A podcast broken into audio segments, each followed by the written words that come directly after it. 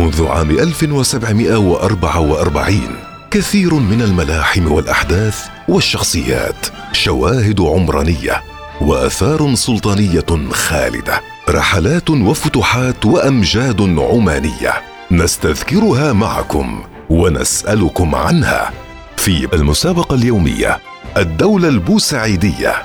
للمشاركة والحصول على فرصة للربح أرسل رسالة نصية قصيرة بكلمة الوصال على تسعين أربعة ستة ستة.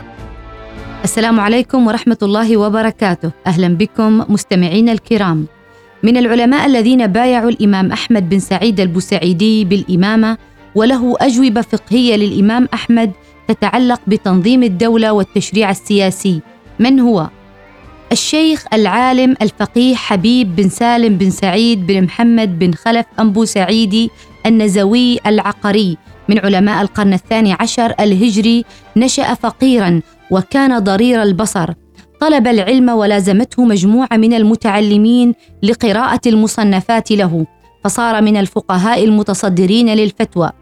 أنشأ العالم الفقيه حبيب أنبو سعيدي مدرسة في عقر نزوة عرفت باسمه.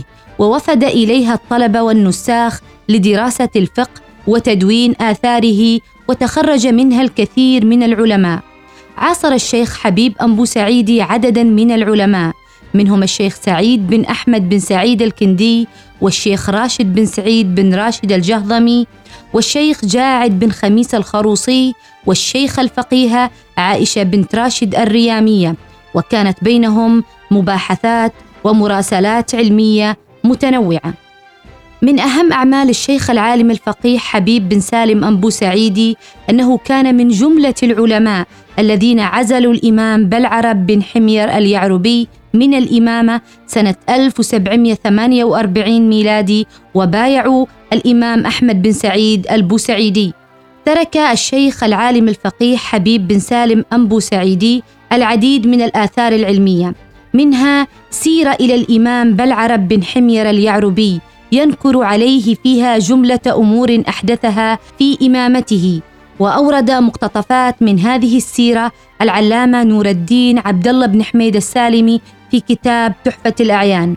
وللشيخ حبيب بن سالم أنبو سعيدي أيضا حاشية على كتاب مختصر الخصال لأبي إسحاق إبراهيم بن قيس الحضرمي ضمنها آراءه الفقهية وله أيضا فتاو وأجوبة فقهية منثورة ومنظومة يوجد الكثير منها في مصنفات متنوعة منها لباب الآثار لسالم بن سعيد الصايغي ومكنون الخزائن لموسى بن عيسى البشري وله أشعار ومنظومات متفرقة. ومن أهم الأجوبة الفقهية للشيخ حبيب بن سالم انبو سعيدي أجوبة فقهية كتبها للإمام أحمد بن سعيد البوسعيدي تتعلق بتنظيم الدولة والتشريع السياسي في تلك المرحلة التاريخية.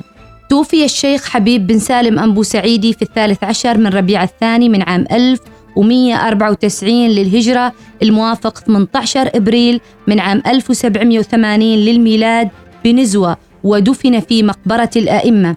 وعلى قبره يوجد شاهد حجري كتب عليه تاريخ وفاته. نلقاكم في الحلقة القادمة. المسابقة اليومية الدولة البوسعيدية.